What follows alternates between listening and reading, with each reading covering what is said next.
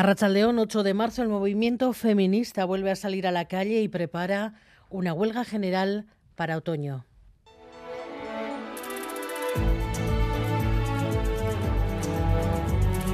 Gambara con Arancha García. Las manifestaciones han arrancado ya. En Gasteiz eh, arranca a esta hora, en Iruña a las 8 y en Bilbao en 30 minutos. Gary Suárez.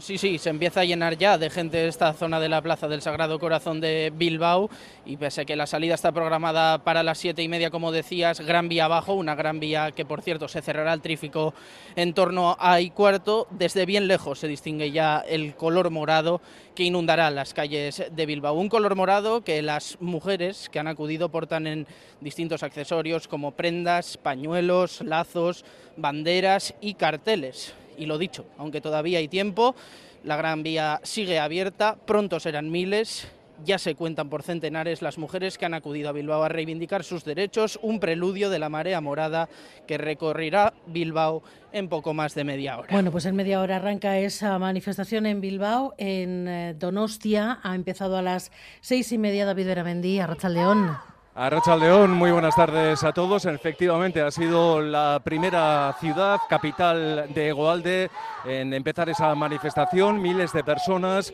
mujeres en su mayoría, pero también hombres, se están manifestando a esta hora por el centro de la ciudad.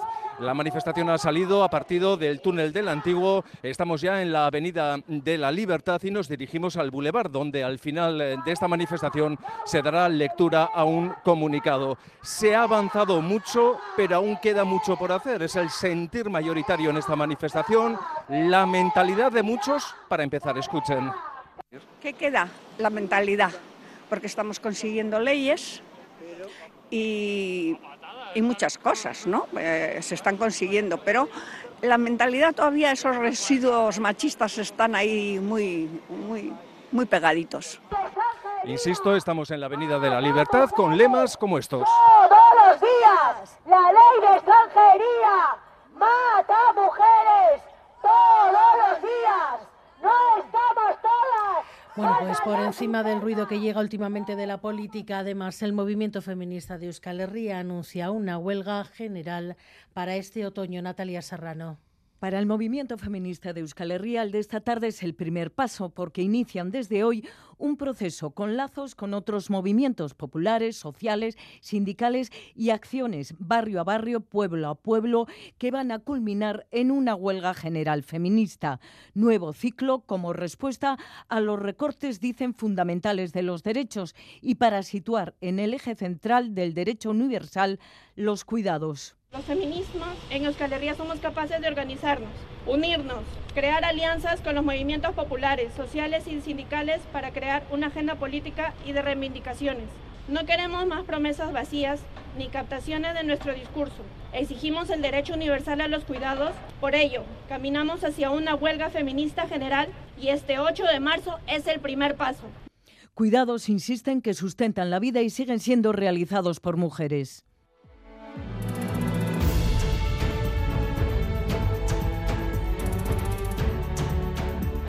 Pocas veces ha llegado un 8 de marzo con un clima tan polarizado, polarizado además desde el Congreso. Las últimas leyes, el enfrentamiento entre PSOE y Podemos por la titularidad del feminismo, la manifestación de Madrid, es por eso a esta hora el test a este clima inflamado desde hace semanas. Miquel Arregui. Sí, la aprobación de la ley trans y el debate abierto a raíz de la reforma de la ley del solo sí es sí dividen hoy al movimiento feminista de Madrid. Por un lado, están quienes aprovechan la celebración del 8 de marzo para pedir la dimisión de Irene Montero.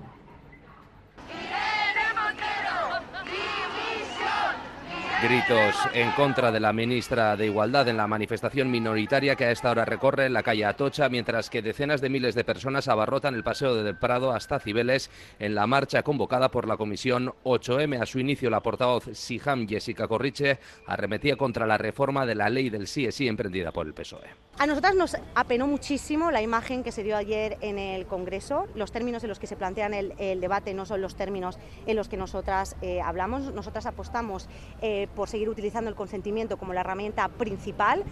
Ministros y ministras del PSOE y de Unidas Podemos se unen también a esta última manifestación, aunque lo hacen por separado, cada uno por su cuenta. Las mujeres que crían a sus hijos solas no podrán disfrutar de un permiso por maternidad doble, sumando al que le corresponde al padre. Es una sentencia del Supremo que unifica criterios. John Fernández Moore. Efectivamente, la Sala de lo Social del Supremo unifica el criterio y dicta que esos permisos por nacimiento y cuidado del hijo son individuales y el progenitor de una familia monoparental no puede acumular los dos por el hecho de que no haya otro progenitor. Una sentencia que, eso sí, ha contado con el voto particular de dos magistrados. Consideran estos que el interés del menor tendría que haber llevado a dar la razón a la mujer denunciante en este caso particular y reconocerle ese doble permiso. Enseguida volvemos a las calles este 8 de marzo, pero además la advertencia de Bruselas a los gobiernos que vayan corrigiendo sus cuentas porque la época de relajación de las reglas fiscales se acaba, Maya Portugal. Ya se sabía que la Comisión quería cerrar la cláusula de escape para el final del 2023 y con la pandemia y los momentos más críticos de la crisis energética aparentemente superados, no ve motivos para retrasarlo. Bruselas considera que es el momento de cortar los estímulos generalizados y retomar los deberes, es decir, que el déficit público no supere el 3% del Producto Interior Bruto a medio plazo. Pero los últimos cuatro años han dejado varias lecciones que van a llevar a más flexibilidad. La Comisión tendrá en cuenta la situación de cada Estado miembro a la hora de marcarle objetivos y cada Estado miembro presentará su propia hoja de ruta para llegar a ellos.